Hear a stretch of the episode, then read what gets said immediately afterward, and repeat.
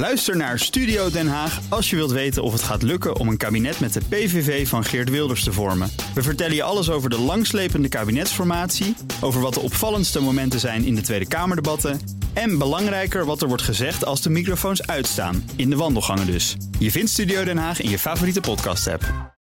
De column van Jaap Jansen. Meteen na de verkiezingen laaide het politieke vuur op. Er moest een korte kabinetsformatie komen die leidde tot een akkoord op hoofdlijnen, zodat het parlement alle ruimte zou krijgen om zijn rol te pakken. En dat alles was gebaat bij verregaande transparantie. Een nieuwe politieke cultuur heette dat. Een korte formatie is het nu al niet meer.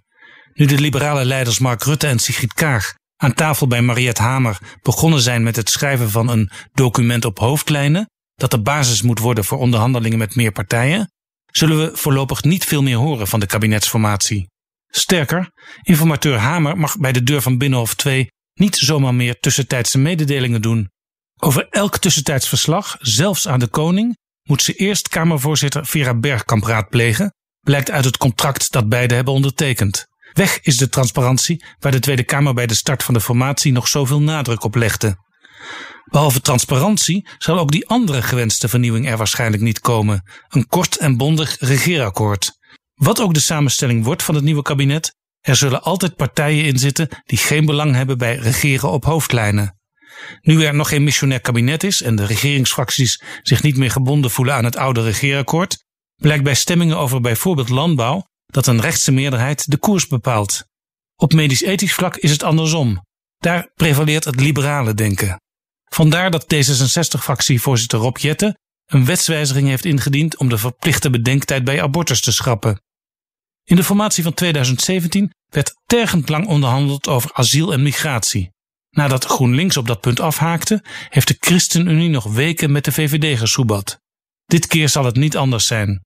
Migratie is zeker ook voor D66, PvdA en GroenLinks een onderwerp dat ze niet willen overlaten aan een rechtse meerderheid. Hetzelfde geldt voor klimaatbeleid. In grote lijnen zijn de partijen die mogelijk een kabinet vormen het eens.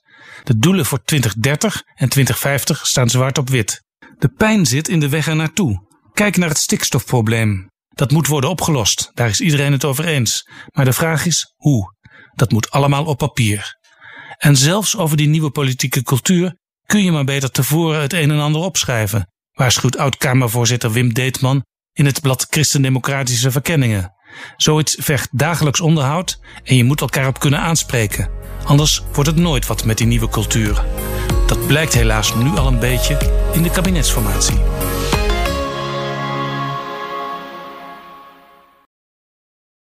Ook Liesbeth Staats vind je in de BNR-app. Ja, heel handig. Luister live naar Kees en mij tijdens de Daily Move. Dan blijf je ook gelijk op de hoogte van breaking news en het laatste zakelijke nieuws. En daar vind je ook alle BNR-podcasts, waaronder de Perestrooikast. Download nu de gratis BNR-app en blijf scherp.